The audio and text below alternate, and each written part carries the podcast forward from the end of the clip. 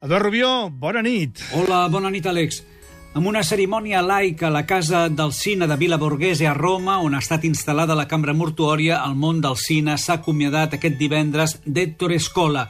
En dos dies no s'ha interromput mai el flux d'artistes, ciutadans, polítics que han volgut saludar i rendir un comogut homenatge a l'últim gran mestre d'una generació que ha fet gran el cinema italià del president de la República Mattarella a l'expresident napolitano, del Premier Renzi a Sofia Loren i tots els grans directors de cine, actors, productors italians, Bertolucci, Tornatore, Alstaviani, Virzì, Sorrentino, Garrone, Pupi Abatti, Stefania Sandrelli, Franco Nero, De Laurentiis, fins als treballadors del cinema, familiars i amics. Amb el seu cine, Héctor Escola ha narrat 50 anys d'història italiana, de l'Itàlia que es redimia del feixisme i tractava d'oblidar la guerra a la Itàlia dels nostres dies. I ho ha fet amb un llenguatge lleuger però profund, amb la seva empremta de gran cineasta que barrejava realisme ferotge, comentari grotesc, sàtira i humor. Ha estat capaç d'esbossar tots els tipus d'italians, dels intel·lectuals d'esquerra, els burgesos, dels miserables, els comerciants.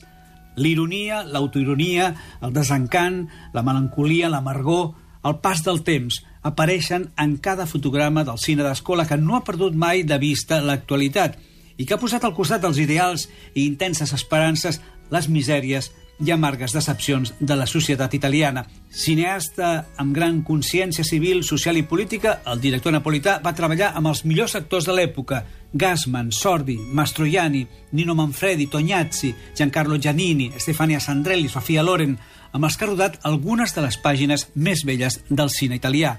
Entre les seves obres mestres cal recordar C'eravamo tanto amati, del 1974, sobre les il·lusions perdudes de la generació de la guerra, que és una gran dissertació sobre la melancolia i el pas del temps, interpretat per Vittorio Gassman, Nino Manfredi i Stefano Sattaflores, tots tres enamorats, tots tres amics, enamorats de Luciana, Stefania Sandrelli. La pel·lícula és una obra mestra que el va consagrar definitivament entre els grans del cinema mundial. Esporchi i Cativi, lletjos, bruts i dolents del 1976, ambientat a la perifèria romana i les seves barraques. El film narra impietosament les misèries morals i materials d'una família d'immigrants del sud, al capdavant de la qual ha el vell Giacinto Mazzarella, que trata els seus familiars com a bèsties, interpretat per un magnífic Nino Manfredi. Una jornada particolare del 1977, la pel·lícula potser més aclamada a l'estranger, amb Sofia Loren i Marcello Mastroianni, sobre el trist destí de dos marginats i humiliats pel feixisme, un intel·lectual homosexual i una mestressa de casa, film amb el que quasi va aconseguir l'Oscar. La Terrazza, 1980, sintetitza i fa balanç de la crisi que viu un grup d'intel·lectuals que es reuneix periòdicament en una terrassa romana. Els protagonistes són un polític, un escriptor, un funcionari de la RAI, un periodista i un productor cinematogràfic. Maccheroni, del 1985, amb Jack Lemmon i Marcello Mastroianni, ambientat a Nàpols, on el personatge de Lemmon hi havia estat com a jove soldat nord-americà durant la guerra, enamorant-se d'una noia, quan retorna, després de molts anys, com a home de negocis, es reuneix amb el germà de la nòvia i reviuen vells records.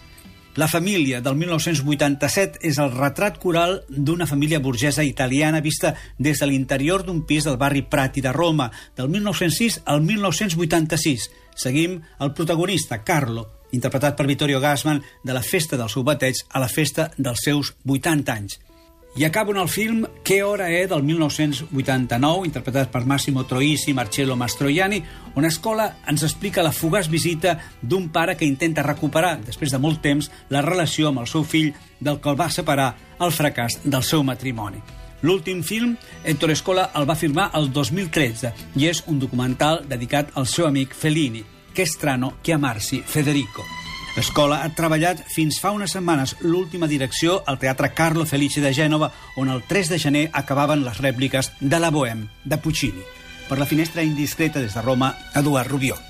Aquí hem d'agrair moltíssim, gràcies Eduard, eh, aquest eh, comentari tan extens i tan complet, eh, amb una percepció correcta, crec jo, d'alguns títols fonamentals de la trajectòria de Torre Escola,